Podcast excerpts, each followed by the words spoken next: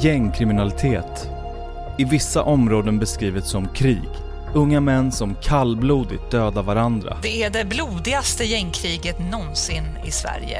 Det är mellan Shottaz och Dödspatrullen i Rinkeby i nordvästra Stockholm. En konflikt som kostat tiotals liv på bara några år och en konflikt som inte ser ut att ha något slut. Samhället pratar om krafttag, hårdare straff, politiska åtgärder. Klockan tre natten till måndagen så kastade någon in en handgranat genom ett fönster i en lägenhet i bostadsområdet Biskopsgården i Göteborg. Men hur kunde det bli så här? Och en åttaårig pojke dödades av explosionen. Det här är det andra barnet som enligt polisen har blivit offer för olika kriminella gängs uppgörelser. Har samhället svikit? Men vad beror det på att just Sverige sticker ut här? Som jag sa så tror jag att vi, vi, vi hade en annan, eh, ett annat dödligt våld i Sverige förr som då har minskat. Medan andra länder hade den här typen av problem och vi såg nog inte det riktigt komma att, att också Sverige skulle kunna få den utvecklingen.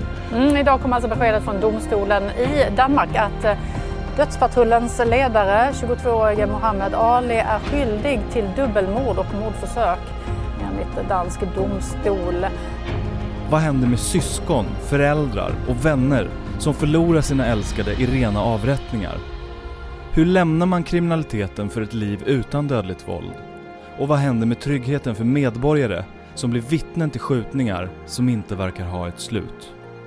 Du lyssnar på Ångestpodden serie Vi måste prata om gängkriminalitet.